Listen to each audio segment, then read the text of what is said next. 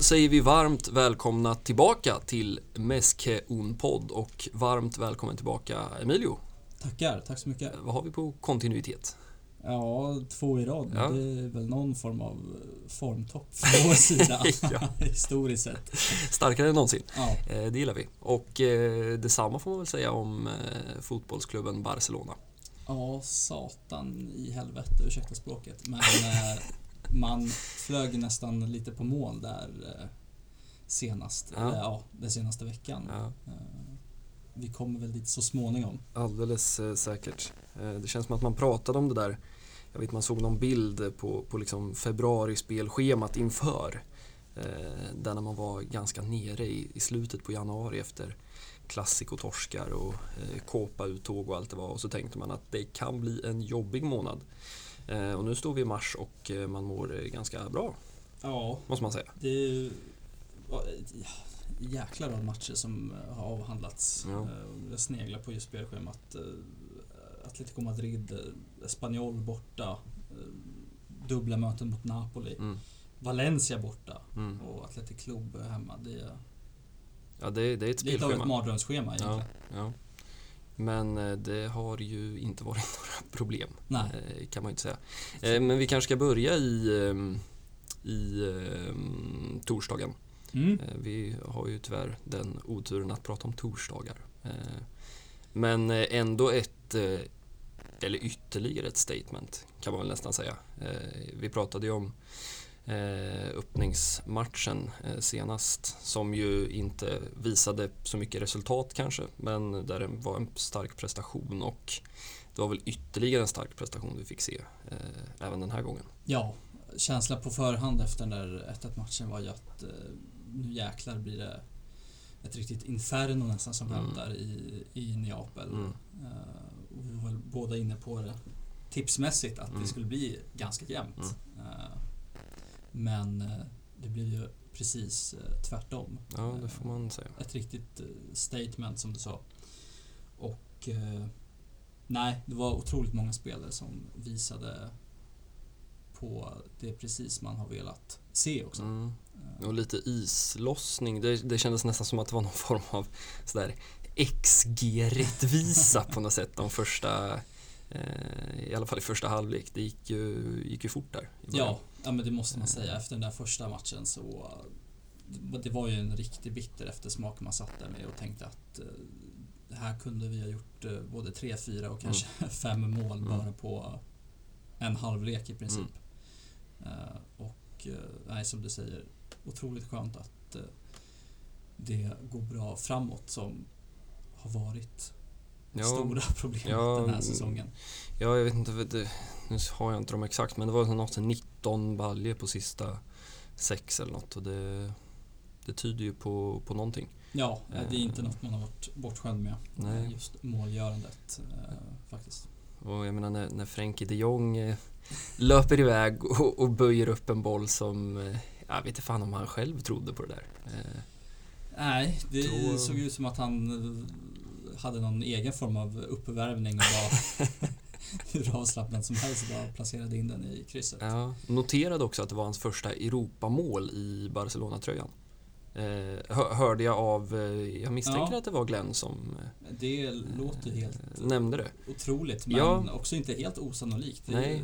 han har inte varit en målskytten. Nej, han har ju ändå hängt en del. Det känns som att han har haft liksom sjok. Det var ju någon ett tag där i våras kändes som att han mm. gjorde mål var och varannan match. Men ja, det är, det är ändå makabert måste man säga. Ja, eh, men vad var... passar bättre än en torsdagskväll i Neapel? Ja, eh, att efter sådär sin... 40 matcher i Europa utan ja, mål. Nej, det, det är lite Luis Suarez. Det pratade man ganska ofta om, men kanske inte tillräckligt ofta, hur oerhört svårt han hade det i i Europaspelet. Ja, det var väl eh.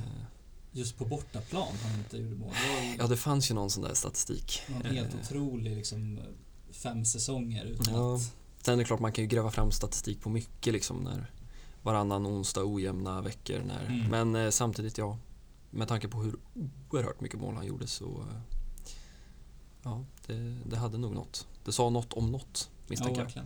Men eh, ja, det, det, var väl, det blev väl aldrig så mycket att snacka om. Det var ju Ter Stegen som, som eh, ytterligare la på lite bensin på den där brasan som det känns som att om man stoppar in en liten tändsticka där snart Ja, så, så flammar det upp.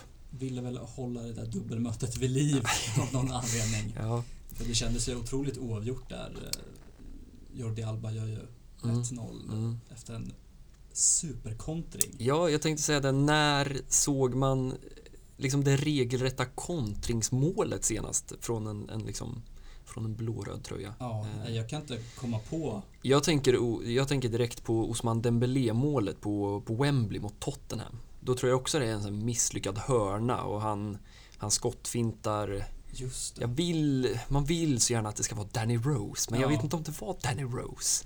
Eh, det var en otrolig insats den matchen. Mm. Det är väl samma match som Rakitic gör där. Volleymålet vill jag minnas. Eh, men det är ju också, vad är det? 18-19 eller? Ja, det måste ha varit hans, Eh, kan det varit hans första säsong? Ja, eller möjligtvis andra, 17, 18, 18, Ja. 19. Ja. Men eh, det var ju inte igår. Nej. Eh, Sen ska jag låta det vara osagt om det inte har skett några kontringsmål sen dess. Men, men man är ju inte bortskämd vid det. Nej, Eh, Adama. Adama Traoré har ju en aktion som... eh, Ja, jag vet inte. Vi lär ju återkomma till Adama Traoré både idag och under våren. Men ja, det är ju svårt att inte tycka om det. nej. Där visar han ju någonstans eh, essensen av vilken typ av fotbollsspelare han är. Mm. Han kan springa i full fart, hålla bollen under kontroll och samtidigt buffla åt sidan två Mm. jagande försvarare och ändå sätta en väldigt bra passning Mm. eh, till Alba. Ja, någonstans... Sen, ja, han har ju inte öppnat sitt målkonto än. Nej, Eh, och eh, jag tror kanske inte att det där målkontot blir jättevälfyllt. Men med det sagt så har det ju blivit väldigt tydligt i många matcher, även mot Napoli, hur eh, han i princip uppehåller både en, en vänsterback, nu var det väl Mario Rui som fick chansen. Eh, och Insigne var ju väldigt tydligt mycket ner och hjälpte till. mm. Eh, och det är klart, kan man bara eh, har man en ytter som kommer så långt ner och så är det bara att peta tillbaka bollen till en Dani Alves som får två sekunder på som åtta. Eh, ja, det är inte helt otrevligt. Nej, och det känns ju otroligt skönt att få in en spelare som har en så pass tydlig roll. Det har ju varit en av de stora Mm, missarna i hela, i hela lagbygget och tränarrekryteringar. Mm. Och det känns otroligt skönt att man har en gubbe som kanske inte spelar 90 minuter varje match. Eh, Han brukar väl vara den första som kanske får kliva åt Mm. sidan eh, efter 65-70 Mm. minuter. mm. Eh, Men under den tiden så gör han ju det otroligt bra. Det, det får man säga. Ehm, men som sagt, eh, Insigne petar ju in den där straffen. Mm. Eh, också utbuad när han klev av sen. Det var väl lite deppigt. Eh, Ja, för efter det 2-1 målet så kom det liksom aldrig någon andra våg från Napoli. Nej, Utan de hade ju fruktansvärt svårt att spela, spela bollen eh, framåt. Mm. Från Ja, det- ja, De det låter hårt men det, det är inte osant. Nej men bara så Eh. liksom den höga pressen gav ju maximal utdelning. Mm. De vinner väl bollen, det känns som fem sex gånger Mm. bara under första halvlek. Ja, Diego Demme hade inte sin bästa match på, Nej. på mittfältet. Eh, Verkligen. Och eh, ja, det var ju... Man kan ju sitta i två läger att antingen så var det Napoli som var otroligt svaga eller Mm. Kanske Barcelona som gjorde dem ganska svaga. Mm. Eh, sanningen är väl någonstans däremellan. Det brukar vara så. Men eh, ja, Men samtidigt så går man in då 2-1 och man har ju varit med förr och har man lyssnat på den här podden förr så vet man vad vi tycker om ett Barcelona i, i ledning. Ehm, Men det, nu verkar det funka. ja jag tänkte, det var det första jag tänkte på när, när, när straffen satt. Att nu är det lite upp till bevis här. Mm. Eh, Kommer det att hålla eller eh, kommer man klara anstormningen Mm. som man trodde skulle komma? Mm. Och eh, nej, det är ett stort steg framåt. Och eh, ytterligare två mål. Ytterligare utdelning. Ja. Gerard Piqué med några... Ja, man, jag vet att... alltså. vad var det han sa efter matchen?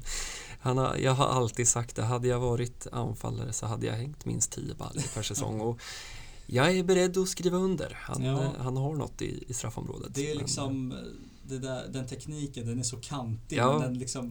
Ja, det funkar, Den funkar på något sätt. sätt. Eh. Och jag vet inte fan om någon forward hade gjort det där bättre.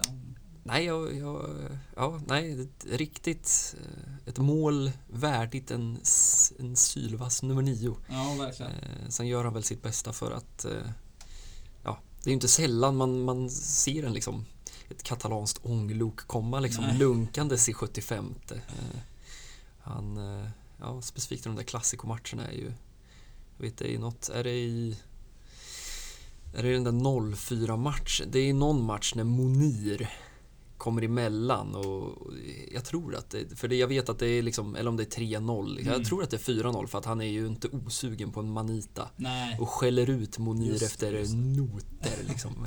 Hur kunde du inte släppa den där bollen? Exakt, till mig, pappa Gerard. Ja, ja nej.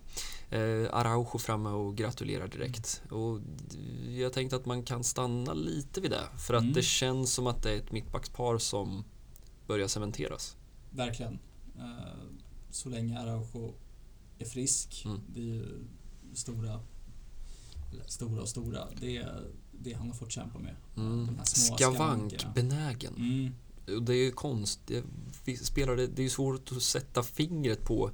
Jag menar att Osman Dembélé har problem med sina lårmuskler är det ju ingen som tveka på. Men, men att Araujo ofta drar på sig skavank, det är svårt att sätta fingret på vad ja, det där är riktigt. Det är någon överbelastad vad hit ja. och någon smäll där. Liksom. Ja. Men eh, de ser ju otroligt bra ut tillsammans. Mm. Eh, Araujo är ju, det har vi sagt förut, kanske den bästa defensiva backen mm.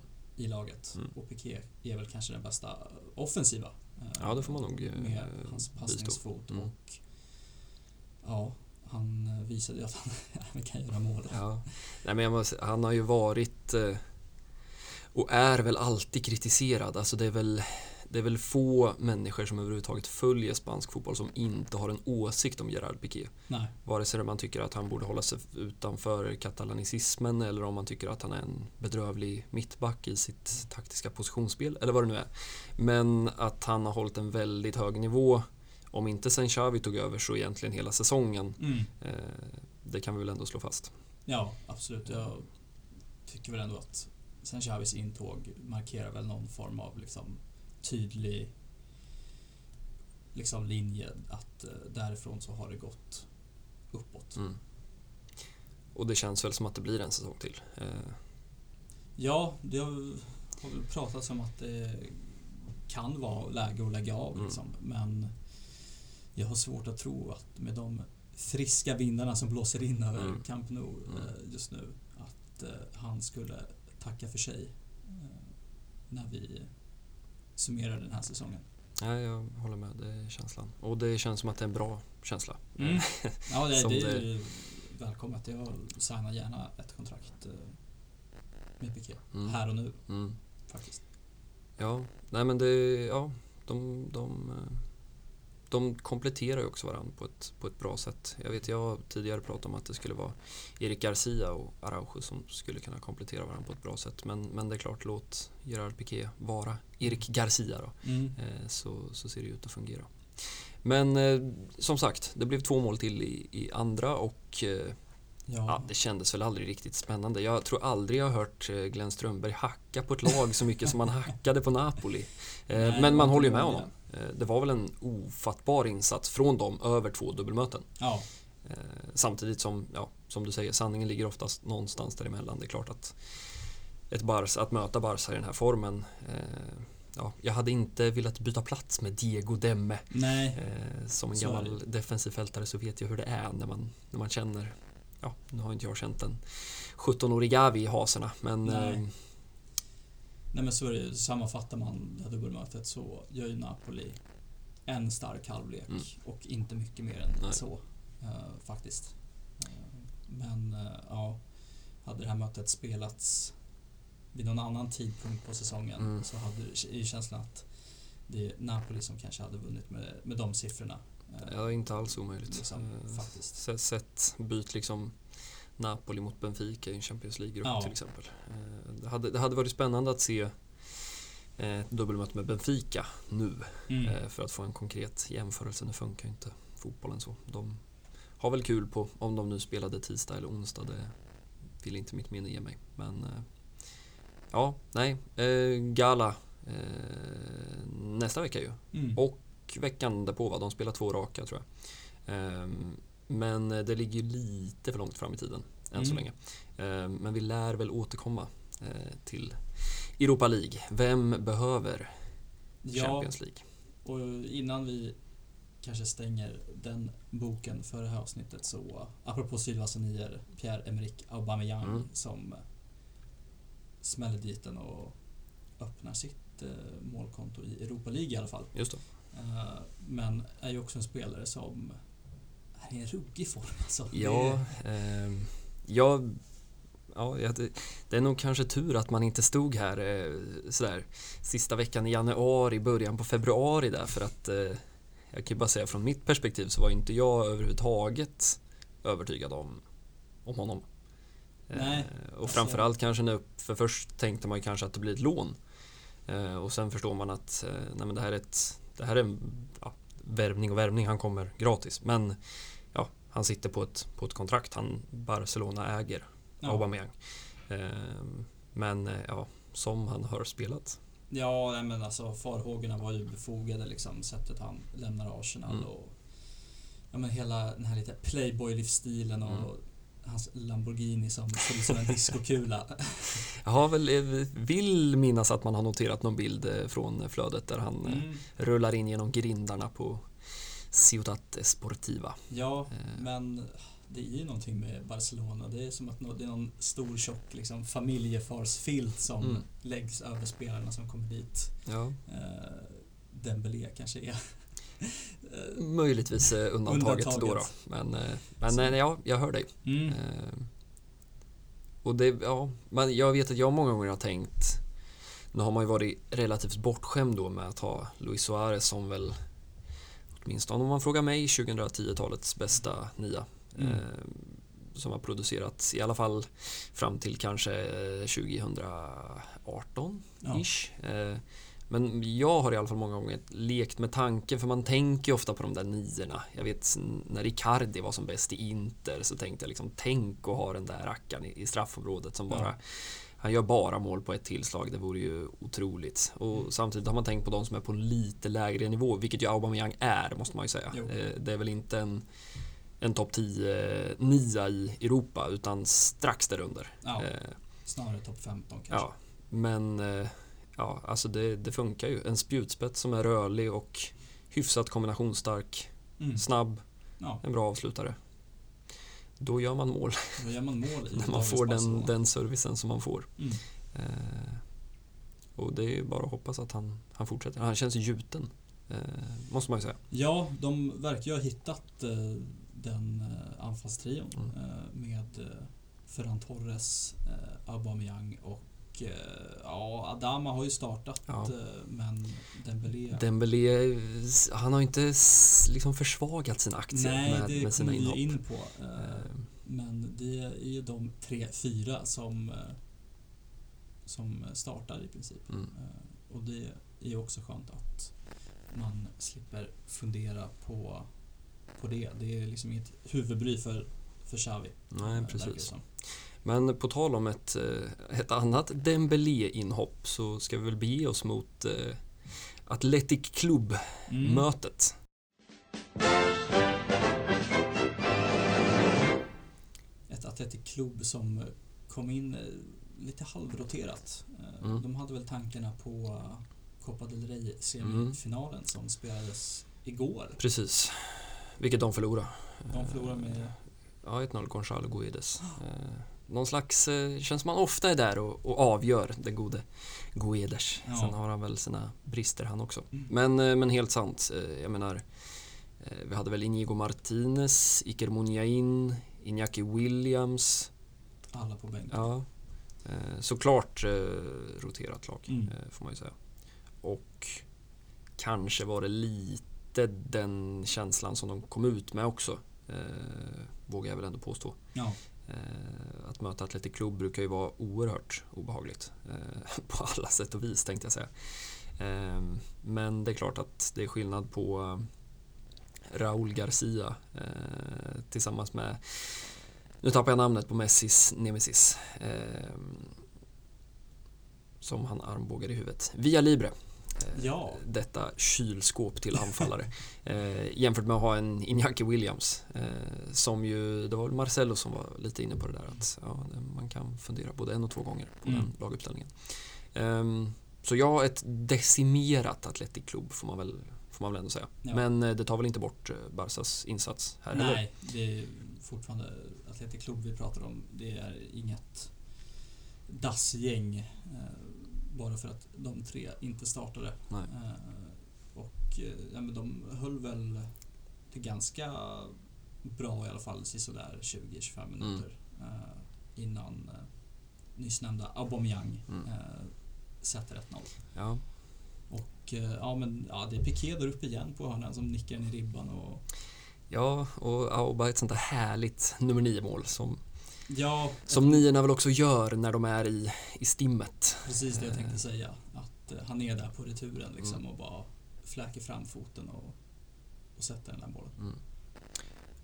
Och sen ska man väl säga att eh, det dröjer ju lite eh, innan, eh, innan tvåan kommer.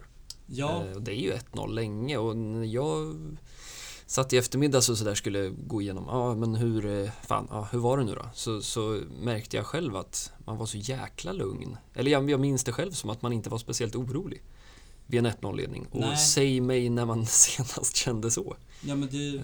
jag tror vi, alltså det hänger väl ihop med att det fanns ingen Iñaki Williams som satt och liksom eh, fiskade vid, vid backlinjen och Ja. väntade på den där djupledsbollen. Mm. Eh, utan man kontrollerar ju matchen efter ledningsmålet. Mm. Och, ja, det är ju närmare 2-0. Ferran Torres, som vi har pratat om innan, får ju Mm. ytterligare ett superläge när han får bollen lite turligt med sig och kommer ju fri mot Unai Simon Mm. men skjuter ju rätt på målvakten Mm. som läser honom. Mm. Eh, Man kanske ska stanna där. För jag, ja. Vi sa väl där förra veckan att jag menar, så länge, den, den gamla goda klyschan att så länge anfallarna kommer till chanser. Eh, men samtidigt så ja, kanske finns det en, en gräns. Han, det känns ju som att han har ett förtroende. Det, det är ju, tror jag, ingen som kanske funderar på Alltså diskussionen är väl snarare Adama eller Dembélé. precis. Eh, jag vet inte, kanske borde man diskutera Ferran eller Ja. Dembélé. Eh, som det ser ut nu. Sen förstår jag också att, jag menar, än så länge är väl både Dembélé och Adama de kanske två kortsiktiga alternativen och även Aubameyang då Mm. jämfört med, med Ferran. Men eh, jag tänker även för honom med, med liksom ett självförtroende och en, en, eh, en svansföring som kanske inte är där den borde vara. Nej, och eh, han har väl haft turen att eh, det har gått så bra framåt. Mm. Eh, hade man inte fått med sig de här resultaten på bekostnad av de där missarna Mm. så hade ju det låtit eh, annorlunda. Mm. Eh, Och jag tillät mig själv också att fundera på hur hade man tänkt om det var Osman Dembélé? Om man hade bytt ut de där eh, hundraprocentiga chanserna mot Osman Dembélé så misstänker jag att det hade varit lite andra tongångar. Så är det. Men det kanske också finns något i att man har ett bagage som man gör sig förtjänt av. Ja, det finns ju ett narrativ bakom varenda spelare. Mm. Liksom. Torres är ju 50, 500 miljoners mannen eller Mm. liknande. Vad, Ja, det får man ändå säga. 55 miljoner euro ja, eh, boxade man väl upp. Sen ska jag vara ärlig och säga att som den icke-ekonom jag är så vet jag inte vad kursen ligger i nu. Men eh, den är väl runt 10 tror jag. mm, Eh, Så ja, eh, 500 miljoner plus. ja, lite Eh, add-ons längre fram Ja, säkert. säkerligen. Men eh, ja, så han kom ju in som den stora stjärnan. Mm. Eh, och i, som du säger, framtidsnamnet. Mm. Och jag läste också i veckan att eh, Xavi hyllar honom och Mm. ser han ju som en, som en riktig toppforward. Mm. Eh, Ja, man tänker också, för han är ju född eh, 00.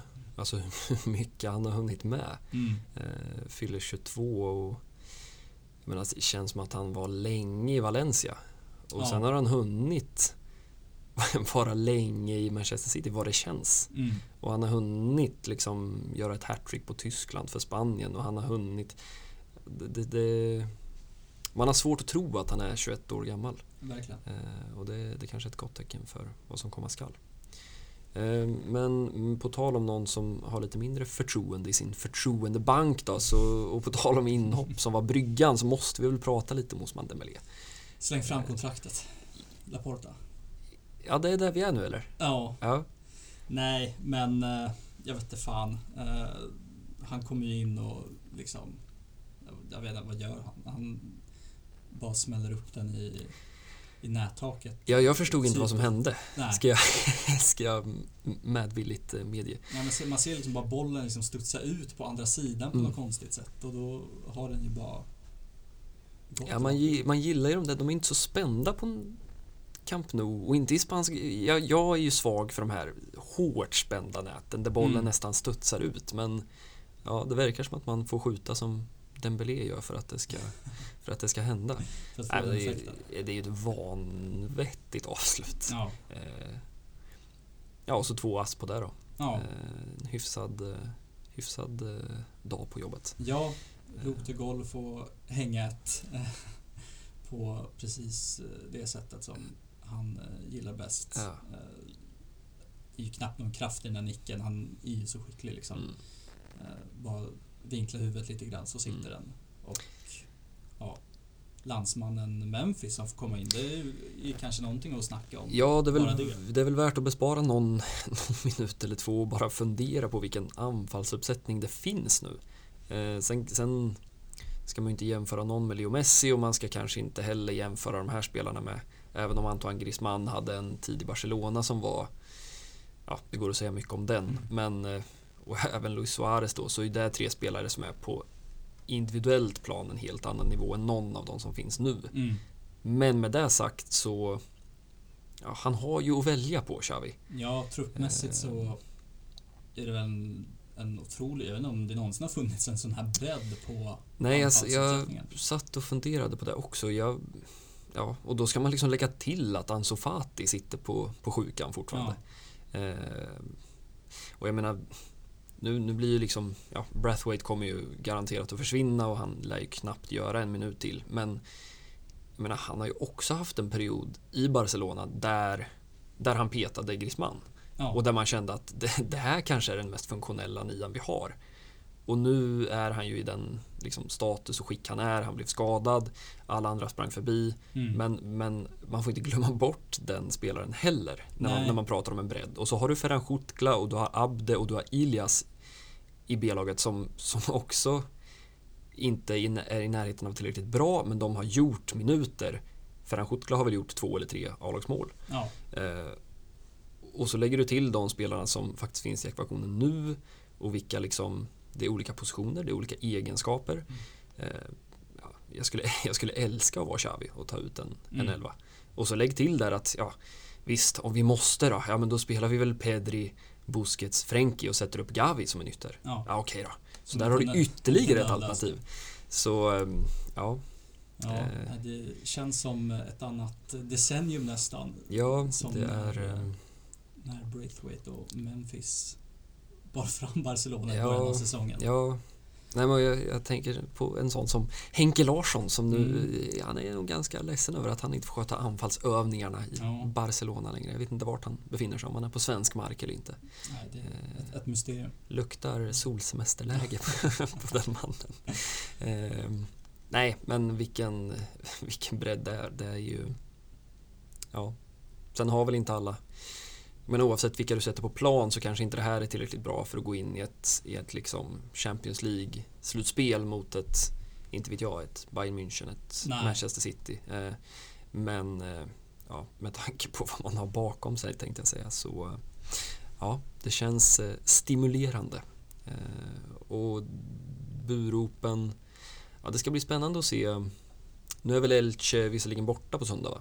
Stämmer. Ehm, Men när vi väl får återvända till Camp Nou nästa gång så Ja, ja, vi får se om Dembélé får några burop. Ja. Det, för det var ju vid bytet även denna gång Precis. eh, en del reaktioner men eh, byttes ju ut eh, ganska snabbt. Ja, man man har väl som fotbollssupporter ganska kort minne. Mm. Och nej, att göra det där inhoppet så förtjänar man ju väl alla applåder man får. Ja, och vad gäller Barca-supportrarna så verkar ju deras minne då sträcka sig drygt 10 minuter. Ja. med tanke på. Men med all respekt, går man in och gör 1 plus 2 på eh, dryga kvarten så eh, ja, då, då kan man väl förtjäna det. Verkligen. Eh, Och eh, nej, men som jag var inne på, liksom, kontraktssituationen med Dembélé. Det har väl sipprat ut någon rapport om att han eh, verkligen kommer bra överens med Xavi och Mm. liksom gillar... Han har verkligen haft hans uppbackning Mm. eh, sen hela soppan eh, kom ut. Och, Mm. Ja, det ska man väl vara förmåga. tydlig med. Hade det varit Laporta som hade sista ordet, då hade inte Dembélé spelat en minut. Nej, Eh, det tror alltså, man kan vara. vi får inte glömma att vi hade en sportchef, Alimani, som gick ut och liksom sågade han vid knäskålarna och Ja. verkligen pekade med hela handen eh, att eh, det här är liksom det svarta fåret. Mm. Eh, det är han som ska ha all skit i den här Mm. situationen. Eh, Och man, jag, sen, ja, man ska inte tro på allt man läser, men eh, vad Dembélés representanter verkar vilja kommunicera är ju att ja, Osman har inte gjort klart med någon ny klubb. För Nej. det har han ju all rätt till att göra. Han är ju fri att formellt förhandla. Eh, så att dörrarna, ja, de är inte öppna men de är inte stängda, känns det ju som. Nej, det är inte Eh. liksom låst och nyckeln är bortkastad. Nej. Men samtidigt så ska, är det ju någon som ska svälja sin stolthet Mm. och eh, dyrka upp det där låset Mm. i alla fall. Eh, Ja, och i slutet av dagen så handlar det väl om att Dembélé, eller om det nu är hans representanter, eh, beroende på vem man vill peka på, måste ju sänka sina krav. För Ja. de kraven som finns nu, ja, det spelar ingen roll hur många 1 plus 2 han gör på en kvart. Eh, det, Johan Laporta kommer inte betala den, den typen av summor. Jag har, sen har man pratat om att kanske förlänga då ett år bara för att ta ett nytt beslut. Och då, ja. Jag, har, eh, jag tror det är Dembélés, eh, bollen ligger i Dembélés händer tror jag. Mm. Eh, Även om Barca såklart måste göra sitt också. Men jag tror att sänker Dembélé sina krav så tror jag inte att Laporta är mer bitter än att han, han signar det där kontraktet. Och, Nej. ja, det är, ju- det är ju som alltid när man diskuterar Dembélé att man, eh, man vet vad han kan men sen om två veckor så står vi här och så har det gått en, en, en vad eller en baksida igen och så, och så får man börja om. Men eh, ja, ja, det är ju en, det är en otroligt spännande vår i alla fall som vi har att se fram emot. det måste man säga. Eh, Det här kan ju bli, om inte det redan har varit, en av de mest intressanta liksom, samtalsämnena kring Mm. det här Barcelona. Mm. Om han fortsätter på den inslagna vägen. Det Så är det. Så är det.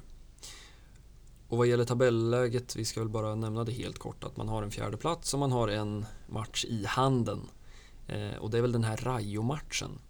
Eh, och den kan man väl säga att det är ju inte, som, som från ett Barca-perspektiv, så är det ju inte helt ointressant eh, att den matchen har skjutit upp. För att det är ju ett Rayo som har fått den här klassiska nykomlingssoppa-torsken. Eh, De var ju uppe och, och dansade på en Champions League-plats ganska Mm. långt in. Alltså Ja. Vi snackar väl en 10-15 matcher in.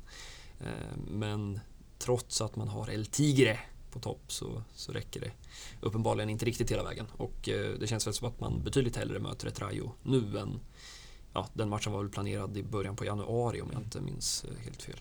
Eh, Så det är väl den vi har i handen, Mm. antar jag.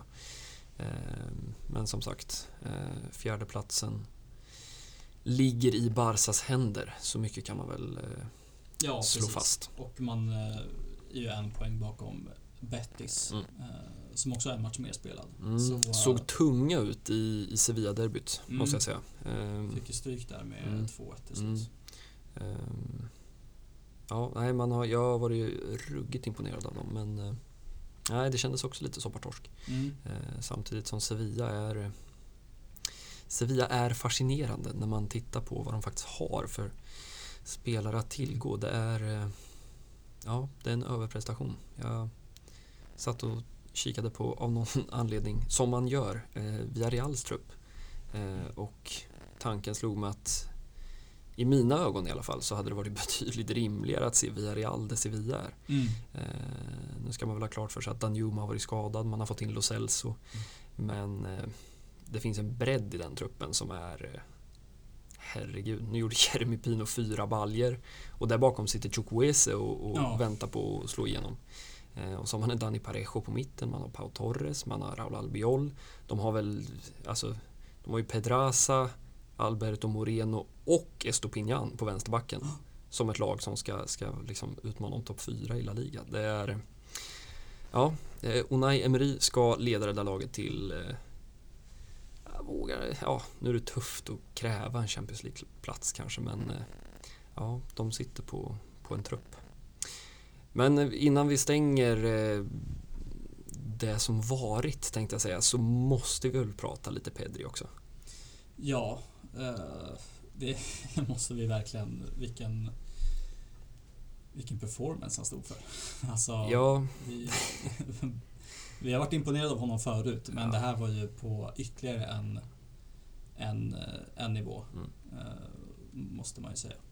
Eh. Ja, det är några, ja, inte bara Pedri såklart, och fan, ja visst han tunnlar, klacktunnlar sig själv, men han kan inte passa sig själv alltid. Men det var ju några sekvenser där man kände, och då var det väl bara 2-0, eh, när han och Dani Alves och Araujo var väl där nere som, som spelar sig ur situationer på, på liksom ska man inte använda det ordet egentligen, men liksom Pep Guardiola-manér och man kände att ja, var... nu är det liksom, ja, det är någon form av liksom jag vet inte vad man ska kalla det, stolt eller liksom, ja, man hade ju aldrig sett det där för ett halvår sedan. Nej. Det är liksom någon bröstet fram och det är så här vi gör. Ja. Eh. Nej, men jag tror att det var Dani Alves som sa det, jag vet inte efter den här matchen eller efter Napoli-matchen, men att liksom eh, vi spelar liksom på Barca-sättet och mm. det är vi som måste försvara det sättet att spela mm. också. Eh, så någon form av stolthet finns det ju absolut där. Och mm. Det var ju som du säger som att spola tillbaka tiden eh, tio år liksom, mm. och se eh, Busquets, Xavi, Iniesta och Messi liksom mm. tråckla sig ur vilken situation som helst mm. med fyra, fem enmeterspassningar mellan varandra bara. Sen ska vi göra klart för oss att eh, vi pratar Athletic Club med Copa-tankar hemma. Ja. Vi pratar inte José Mourinhos Real Madrid på Bernabéu. Nej. Men en sak i taget. Eh, men sidospår, Pedri. Eh, Ja, vi ska naturligtvis posta eh, den tunneln som han bjuder på på eh, Balenciaga är det väl som... Ja, eh, ja. som får smaka. Ja, man, jag, jag funderar på, tycker man synd om honom? Jag, jag, tror, jag tror att han kan, han, han får leva med det där tror jag. Jag tror ja. att han, han kan berätta det där för barnbarnen om, om 20 år. Eh, men eh, ja, jag vet att vi stod här förra veckan och sa att Xavi hade benämnt Pedri som världens största talang. Och, mm eh, ja, det är väl svårt att, att säga något annat. Nej, eh. och det är liksom det är, som vi också pratat om sinsemellan att det är ord som har verkar ha gett självförtroende mer än något mm. annat. Mm. Uh, och han går ju från klarhet till klarhet. Uh, och börjar ju bli den spelaren som man, ja, men som man kan lita på mm. uh, i 99% av, av matcherna. Mm för mig är det ju någonstans där skiljelinjen är mellan en riktig, riktig toppspelare mm. och en spelare som är bra. Mm. Och nej, han ger, visar, ger ju ingen anledning till att man ska vara orolig över det. Liksom. Nej, och det är så många. Jag ska försöka hitta någon. De brukar ju klippa ihop grejer och, och posta. Jag ska försöka hitta något, något sånt också. Men det är så många sekvenser som man kan klippa ut från den matchen som är ja, fullständigt fenomenala. Och det är ju inte bara det att han är alla vet ju vid det här laget att han, är, han har en fotbollsfunktionell teknik som är fantastisk och han har, han har en blick för spelet. Men det är det att han får en, tror jag, för första gången på riktigt kontinuerligt en effektivitet i sitt spel. Mm. Alltså du kan komma felvänd med en, med en stor baskisk bjässe i ryggen och tio sekunder senare har Aubameyang ett friläge i princip. Ja. Eh, och det är väl jag tror om inte ett så två av Dembélé-målen är väl Pedri som, som bara löser upp en knut på mitten och vänder spel och, och sen är det fri gata för Dembélé i princip. Ja, ja han har ju någon, precis jag tror det var vid, vad kan det vara, tränarmålet mm. när han som du säger löser upp en knut och bara sätter en macka ute på mm. högerkanten. Mm. Nej, och det är en sån, ja, det är en sån kvalitet och det är sån, sån bredd i hans spel och det är en sån mognad och, och han har det defensiva också och han har positionsspelet där eh, Ja, vi, alltså Lex Bojan Kirkic så ska man ju aldrig säga aldrig men ja, det är en spelare som är på, på en sån nivå så att eh, Ja, det man, också värt att upprepa tycker jag att det är en spelare som nyss har fyllt 19 mm. år. Ja, nej det är eh, det är helt galet. Mm. och man är, man, man, är liksom, det är inte på den, jag brukar alltid säga liksom, beskriv Leo Messi, så brukar jag alltid säga att jag är tacksam för att jag mm. lyckades få leva samtidigt som honom. Det kan ju låta liksom, ja, man är ju också ett svin som uttrycker sig på det sättet men det kan låta pretentiöst. Men, men liksom nästan den känslan har man, eller jag, efter att se liksom den insatsen nu senast att ja, man, blir, fan, man blir glad av att se Pedri spela ja. fotboll. Alltså. Det, det ser ut som han har ganska, ganska roligt också. Verkligen. Ehm, men som sagt, det finns ju eh, kvar att göra. Jag vet inte, vad, vad har vi? Omgång 20, vadå? 6? Uh, ja. Tror jag. 27, 27. blir väl officiellt ja. Eh, med tanke på den hängmatchen. Men, Just det. Så det finns ju kvar att göra och det är klart, ska man hänga Eh, i Europa League hela våren också mm. så, eh, så kommer det ju finnas att göra. Men eh, känslan, det är en god känsla. Mm. vi, kan, vi kan väl stänga det som varit med att det är en god känsla. Verkligen. Men med det sagt så kommer det ju en framtid. Det kommer en sommar. Det mm. kommer en Fabrizio Romano-högtid utan dess like.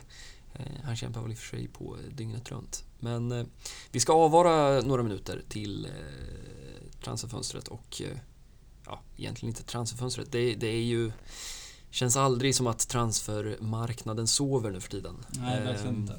Och vi pratade lite förra veckan framförallt om defensiven, mm. defensiva förstärkningar. och vi pratade lite om Andreas Christensen. Eh, och sen dess så har ju rapporterna intensifierats och när vi står idag, eh, nu har inte jag tittat på mina sociala medier på typ 40 minuter, men det låter ju som att Kristensen och Frank Kessi är väldigt nära eh, ja, varsin överenskommelse.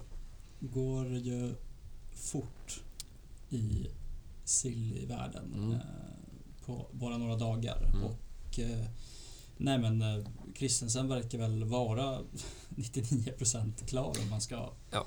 lita på alla rapporter. Ja, det är väl också, jag tror väl att det både är Romano och Moretto nerifrån Italien och dessutom Gerard Romero som har rapporterat. Så man brukar, tycker jag, kunna se sånt där att när det kommer från tre olika håll så, mm. så ja, det brukar vara ett gott, eh, gott tecken. Ja.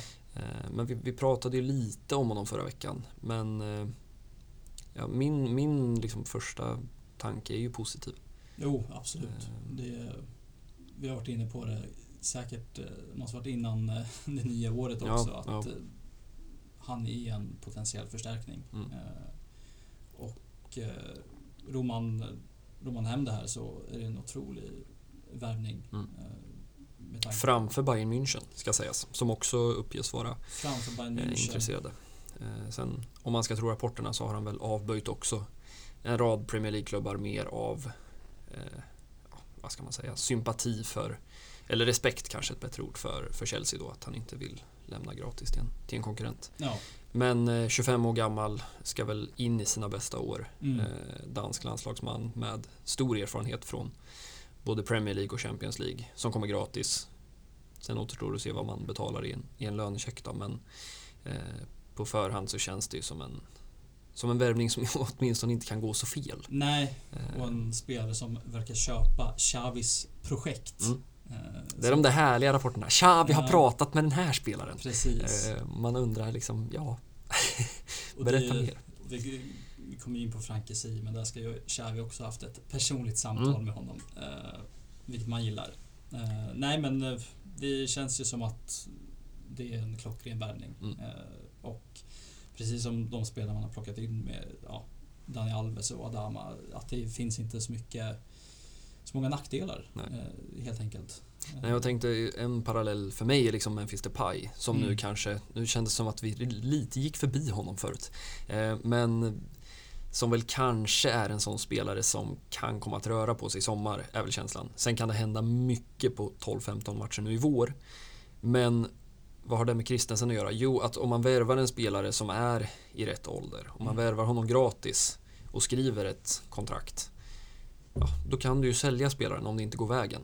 Eh, vi pratar ju inte om att man plockar in en en spelare för 30-35 miljoner euro, skriver på ett Bartomeu-kontrakt som Mm. ingen annan vill betala och sen sitter man där. Ja. Utan eh, är det så att Christensen inte funkar eh, nu har han ju spelat under Tuchel i Chelsea så han är ju inte ovan vid att lösa knutar från Nej. egen planhalva. Men ja, nej, men då, då säljer vi till Premier League i, i nästa sommar för, för 20-25 miljoner. Och, ja, det, det känns som att riskerna är inte så höga. Nej, och att det finns en ekonomisk uppsida är man ju inte bortskämd med eh, i Barcelona. Nej, historiskt dåliga på att sälja spelare. Ja. Måste man ju säga. Förutom när PSG kommer och slantar upp 222 miljoner euro för Precis. Neymar. Det Men det- det är en- antingen blir det någon, en klockren värvning eh, alla Luis Suarez där Mm. varenda, varenda öre är liksom värt det. Mm. Eller så sitter man där typ Osman Dembélé Mm. och har lagt eh, 1,3 eller 4 miljarder. Mm. Eh, Lex Coutinho kan man väl också kalla det för. Ja, Griezmann. Man, Ja. man har några, några saker man inte vill tänka i det här på. kontraktet och så finns det liksom ingen eh, ekonomisk vinning där på andra sidan regnbågen. Nej, Eh, nu verkar det väl, bara nu i veckan kom det väl rapporter om att Griezmann förmodligen spelar för Atletico även kommande säsong. Mm. Och då pratar man väl om en 30, kanske 40 miljoner euro. Vilket jag tycker är väldigt bra betalt i så fall. Men sen vänder man på steken och tänker att ja, vi betalade ju 120. Ja. Eh, Så med det sagt så är det svårt att, att göra någon vinst. Men, Mm. men Frankesi misstänker jag, jag har svårt att se att någon är ordentligt missnöjd med en Christensen-värvning. Nej. Eh, vi ska väl bara nämna också att det ser väl mer och mer ut som att trion Clément Langlais, Samuel Umtiti och Oscar Mingueza lämnar. Eh, Ja, det är- och, eh, högst relevant. ja, och fullt naturligt. Ja. Eh, det finns väl inte så mycket att säga mer än att man som sagt ska hitta klubbar som passar och som kan tänka sig att, att betala. Men med det sagt så känns väl åtminstone från mitt håll Frank Kessie som en värvning som kanske kan skapa lite mer opinion. Ja, det är en spelare som har bärt det här Milan på sina axlar. Mm. En otroligt skicklig mittfältare. Och ja, kommer in, ska komma in gratis. Mm. Eh, väntar ju också ut sitt kontrakt eh, Mm. i Milano.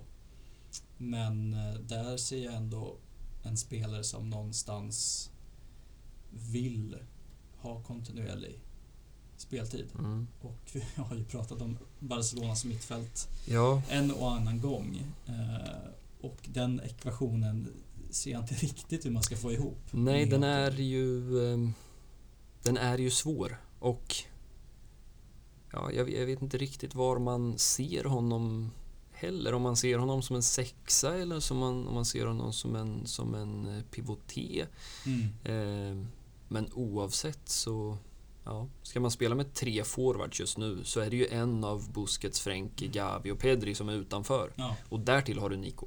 ja. Ehm, så att eh, Nej, det Ja. blir svettigt i så fall. Ja. Men eh, det sägs ju att Xavi vill ha in en spelare av en annan profil. Mm. Eh, och de katalanska tidningarna är ju snabba med att dra parallellen till Seydou Keita. Mm.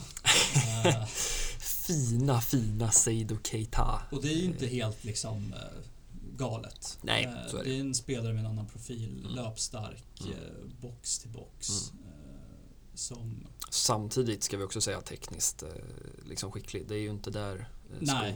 Barcelona plockar inte in en mittfältare som inte vet hur man hanterar bollen. Om han inte heter Paulinho och eh, har kopplingar till ett kinesiskt kylskåpsbolag. Ja. Eh, men det är en annan historia. Nej, men från min sida så tänker jag, jag kan köpa liksom tanken med att man ska ha en annan profil. Jag kan även oavsett vem, vad för liksom spelartyp man är ute efter så är ju Frankesi en väldigt, väldigt duktig mittfältare som kommer gratis. Men jag tänker att jag är lite orolig för Nico Gonzales då. Eh, Och jag är också lite orolig för hur tydlig man är då med, med Kessie. Att, jag menar mycket kan man säga om honom men, men det känns ju som att han är klar femma av sex mittfältare i så fall då. Eh, Ja. Förutsatt att Sergio Roberto, som ryktas lite om LA Galaxy. Mm. Eh, Det känns som en bra lösning för alla parter. Det undrar man honom. Han känns väldigt eh, USA och LA-kompatibel. Ja. Ehm, Ja, det hade man inte tackat nej till. Och, och så har vi Ricky Push som ju uppenbarligen för första gången funderar över sin framtid på annat sätt än att Ja. han vill bli klar. Och ja, den dagen det blir klart så lovar jag 20 minuters utläggning Mm. om Ricky Push. För om Gerard Piqué är en spelare som drar uppmärksamhet och åsikter till sig så, Mm. så är väl Ricky Push klart tvåa på den listan. Ja. Vilket ju är ganska makabert med tanke på hur anonym han ändå är. Eh, men blev väl lite symbolen ett tag för den ungdomssatsning som inte finns och nu är han väl snarare en symbol för alla de som gärna hackar på de som gärna ser ungdomssatsningen. Eh, som sagt, det kan, det kan svänga fort.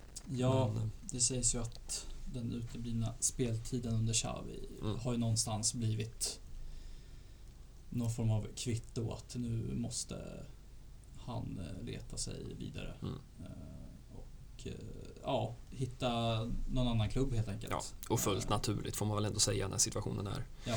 är som den är. Ehm, Men med det sagt så, jag vet inte riktigt vart man stänger boken Kessi, men ja, det, det är väl där man hamnar igen att ja, det kanske inte är helt hundra, men samtidigt, ja, vad är risken då? Och risken är väl då snarare någon slags prioriteringsordning. Att ja, Ja. Plockar du in Kessi så är det ändå en lön och, och jag menar det finns en vänsterbacksposition och det, det finns framförallt en anfallsposition tror jag om du frågar politiker Laporta så, Mm. så är ju inte han osugen på, på Håland. Eh, och vi pratade Nej. lite kort här innan om de här, på tal om att Xavi haft personliga samtal så gillar man de här mötena som det Ja. rapporteras om. Precis, det läste jag precis innan vi slog på mikrofonerna att eh, både Xavi och eh, Jordi Cruyff ska Mm. ha åkt till München. obskyr roll han har, Jordi Ja. Cruyff. En, någon, någon slags liksom eh, nu tappar jag ordet på svenska men, men det handlar ju någonstans om någon slags så här, jag vet inte, ideologisk kartritarposition och Ja, någon slags någon eh, slags- rådgivare Ja, på någon något sätt. italiensk konsiljeri Ja. sportchefaktig Ja. typ. Eh, Och Nej men eh, de ska ha rest till München under gårdagen och eh, träffat eh, Haaland Mm. som sitter där och kör rehab just nu. Just det. Är ju skadad Mm. för, jag inte, tredje gången den här säsongen. Ja, lite oroväckande Ja. måste jag inte säga. Man har tänkt länge sådär att, att det där är en spelare som, som kommer hålla länge men Mm. ja, det, det är ju en tung kropp. Om man jämför med den spelaren som alla ställer bredvid honom. Eh, Det känns ju som att Mbappé och Haaland kan bli någon slags ny Messi och Ronaldo utan att jämföra de liksom duorna sinsemellan så, så känns det väl som att det kanske är de två som ska vara eh, de nästa stora globala fotbollsstjärnorna. De har ju Eh. fått eh, ta den rollen känns det som. Eh, Och det känns väl som att Haaland inte, inte ogillar nej, det. Nej, det har du eh, helt rätt Om det är i. något På, den killen har så är det väl självförtroende. ja, på tal om hållning och Ja. svansföring. Eh, nej, men, och det har väl också pratats om något möte i Monaco Mm. eh, mellan agent Mino då. Eh, som ju för övrigt också representerar Masraoui Mm. eh, som det har pratats en hel del om. Så, så det, ja, det är det där vanliga, man kan väl slå ett par flugor i en smäll om man sätter sig och käkar. Eh, jag vet inte vad, vad man tänker. Jag, jag, nu serveras väl inte det överallt, men jag tänker att Mino Raiola beställer in en plankstek. ja, eh, Något fettigt. Ja, nej men man, eh, ja. Det, nu kanske de inte serverar det på, på fyrstjärniga eh, Guide Michelin-krogar i Monaco. Nej. Men eh, ja, man hade gillat att se honom på den lokala, lokala baren i vart han nu är ifrån. Men han, man tänker väl att han har någon slags epicentrum någonstans i Holland. Eh, Ja. Jag vet inte om han sitter i, i det lokala, på den lokala kvarterskrogen i Amsterdam, tre öl in och, och måste mätta magen. Nej, men vi, vi får väl se. Eh, det känns som att Hålandssoppan kommer att eh, hålla på en bra bit in i sommaren. Och ja, vart de pengarna ska komma ifrån, det, det vet jag inte. Men Nej, det är väl de, de här Spotify-pengarna som Ja. det har talats om. Jag har varit lite tyst om det eh, Ja. de senaste veckorna. Jag vet inte om det är ett bra eller dåligt tecken. Vi får se det som ett dåligt tecken skulle jag säga. Förmodligen. Det var ju Eh. liksom på den nivån att eh, ja, men imorgon så annonseras det liksom. I princip. Men sen har det gått, vad kan det ha gått? Tre, fyra veckor snart. Ja, Eh, något i den stilen. Där det varit radiotystnad. En annan är ju glad att man inte... Ja, Spotify Camp Nou är ju, är ju inget som ligger rätt i mun. Men jag vet inte, det kunde väl ha varit vad är det? Eh, hellre Spotify än, än Qatar kanske. Eller kanske, ganska garanterat Ja. får man väl säga. Eh, så vet jag inte. Gazprom för den delen. Gazprom. Eh, nu senast eh, Rakuten är väl någon slags japanskt eh, kylskåps eh, vitvaruföretag. Det är väl, på tal om Gerard Piqué och många Mm. bollar i luften, så är väl han där och petar en del. Ja, det är väl liksom lite e-handel och allt möjligt. Ja. Det Ja, det är fotbollsekonomi och eh, vi kan väl säga att vi lär, eh, vi lär återkomma i frågan eh, framöver.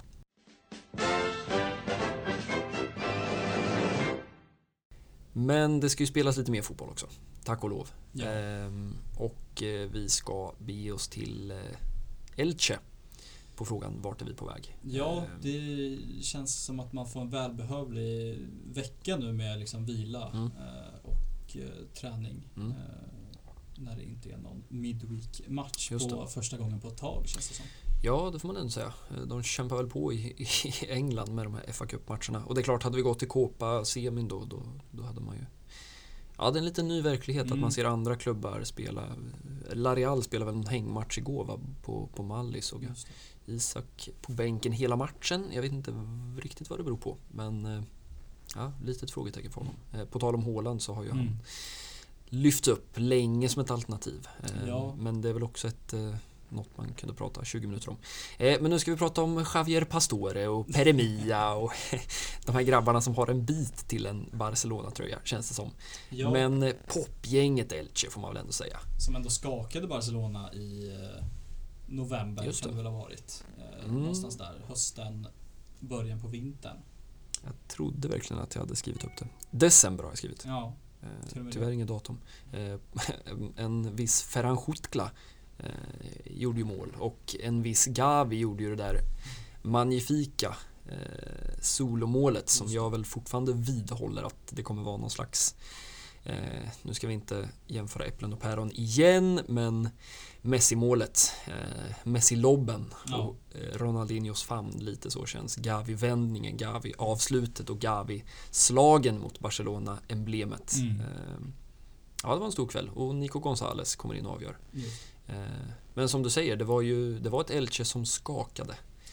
Ja, och just eh, Peremia som Mm. är väl eh, kanske personen man får sätta som deras kanske farligaste spelare. Mm. En jävla fin spelare. Ja, Snidare. mm, verkligen. Eh, men eh, ja, det är ett Elche som blandar och ger. Ja, det får man säga. eh, får man säga. Åkte på stryk tidigare mot Levante med 3-0 borta. Mm. Och det är ett Levante som inte har gjort så mycket annat än att åka på stryk den här säsongen. Ja, de försöker väl göra en liten great escape. Mm. Eh, Men de har ju växlat upp på senaste tiden så omöjligt är det ju inte. Nej, jag ser så väl framför mig hur El Comandante Morales Ja. sänker in någon boll i 38 omgången i vår och exploderar. Eh, det hade man gärna sett. Jag vill gärna ha kvar dem. Eh, sen vet jag inte vilka som ska åka ur istället då. Men, men Elche har ju, hur man än vrider och vänder på det, så är det väl fortfarande lite så att de presterar över vad de borde kunna göra. Eh, Ja, de, det de får har väl ett par poäng ner nu då, Ja. till, till nedflyttning. Och, eh, ja, det är lite, ja det är en brokig jävla skara. Eh, Från, på tal om, ja, det finns japanska kylskåp och sen finns det spanska kylskåp och mitt favoritkylskåp är ju Gerard Gumbau. Denna, jag tror att vi har pratat om honom förr men ja, man satt ju och kokade som 15-åring när Mm. Luis Enrique slängde in honom framför Serge Samper i någon Ja. Champions League-match mot Bayer Leverkusen eller vad fan det var. Andra tider då när vi alltid kunde avvara den där sjätte gruppspelsmatchen till, till junisarna. Eh, andra tider. Ja, det, det får man säga. Nej, jag vet inte om han eh, kniper en startplats eh, på söndag. Men eh, ja, och så, och så har vi Lucas Boyer på topp och Ja. Guido. Just det. Ja, det ja, det, det är ju spelare som... Alltså man är ju inte lugn vid att liksom... Ja, det kan hända grejer. Är ju känslan. Ja, verkligen. Och det är ju ett lag som också har haft lite så två ansikten den här Mm. säsongen. Kickade ju tränaren eh, rätt tidigt. Han var den första som fick, Ja. som fick gå den här säsongen. Eh, och eh, ja, sen dess så gick det ju mycket, mycket bättre. Mm. Men som vi nämnde med Rayo så är det väl den här soppatorsken Mm. Nu i början av våren som Mm. man anar komma. Ja, den får de ju gärna slå vakt vid i, på söndag. Eh, men jag tänker också att ett perspektiv från Barcelona-håll kan vara att okej, fine, nu har man mött eh, eller stött på tuffa motstånd får man ändå säga. Eh, inte med i min den här storklubbsstatistiken där både, bara Real och Atleti får med. Men det är ju ändå klubbar från den övre hyllan får man ju säga. Eh, Absolut. plus då ett derby som är ett derby mot Espanyol. Eh, och man kommer ifrån ett, en, ett sånt schema, man kommer från en sån februari månad och nu ska man åka ner och spela bortaplan mot Elche. Eh, och det är ju intressant då, för att det är ju något nytt.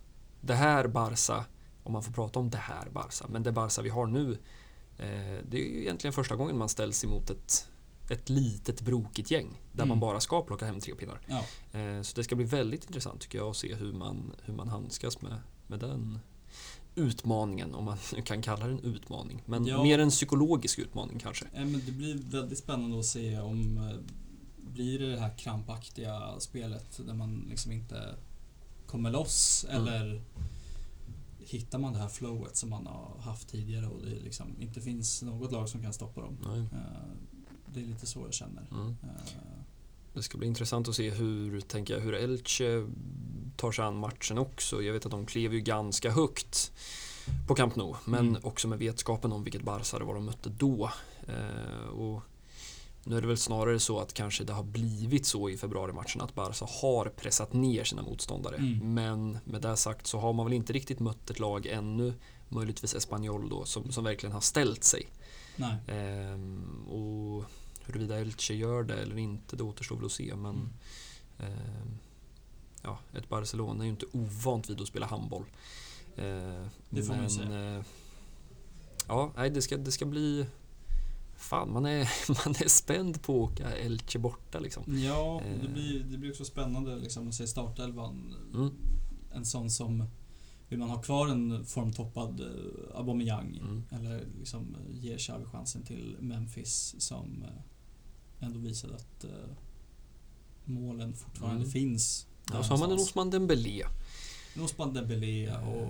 Och sen den vanliga mittfältsfyran som ska bli tre. Ja, Så att, ja, det är ju... Det måste vara spännande för Xavi helt plötsligt att kunna välja istället för att behöva leta efter någon eh, 16-åring i, i Barça B som ser rätt schysst ut. Liksom. mm, Eh, Och det är väl detsamma med, nu misstänker jag att det blir Alba och, och Dani Alves, men Serginho Dest har ju, eh, ja, om hans aktier var, var liksom i princip blanka så stiger väl de ytterligare en sån där imponerande vänsterbacksinsats. Eh, Verkligen. Måste man ju säga. ja, spelade ju på just den här vänsterbacken mot uh, Athletic Club Mm. när Alba fick vila lite efter äventyret i Neapel. Eh, och gjorde ju det bra. Mm. Eh, och det är ju så konstigt, han har ju nästan gjort det bättre på den vänsterkanten än vad han gör på högerkanten. Ja, visst vågar man ändå, visst är det en take som håller? Ja, det tycker jag verkligen. Eh, och eh, det blir ju spännande att se om får han chansen till höger, vilar man sån som Dani Alves Mm. eh, så känns det ju, det här känns ju som en match där man har råd att göra det också. Mm. Eh, Sen i och för sig kan man ju vända på det då. Det är klart, Dest ska väl då, för Dani Alves får ju inte spela då på torsdag eh, i Europa League. Precis. Så med det sagt så, ja då kanske ändå blir Dest som får nöta nu då Mm. och sen spelar han Ja, sen har man en Mingesa, men jag har svårt att se att den- den hästsvansen gör så Ja, många fler minuter. Även så om jag... i verktygslådan letar väl inte Xavi Nej, det så är väl inte känslan. Även Ja. om jag... Ja, jag, jag kommer alltid för evigt ha en... Ha en ehm, ja, det är väl svårt att säga att han är en kultspelare på det sättet som, som eh, det holländska fyrtornet är. Mm. Men eh, ja, nej, som, som något slags bevis på att man måste inte vara eh, Ricky Push i La Masia för Nej. att, eh, för att ta sig hela vägen. Eh, det går att gneta på också.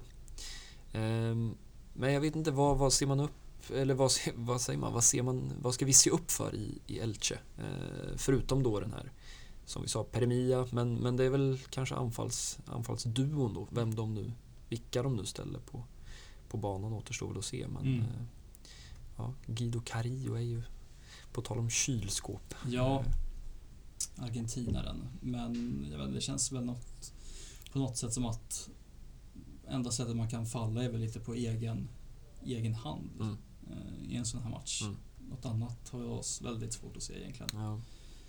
Oavsett om Elche väljer att stå högt eller ligga lågt. Mm. Eh, faktiskt. Nej, det är en fast situation efter två.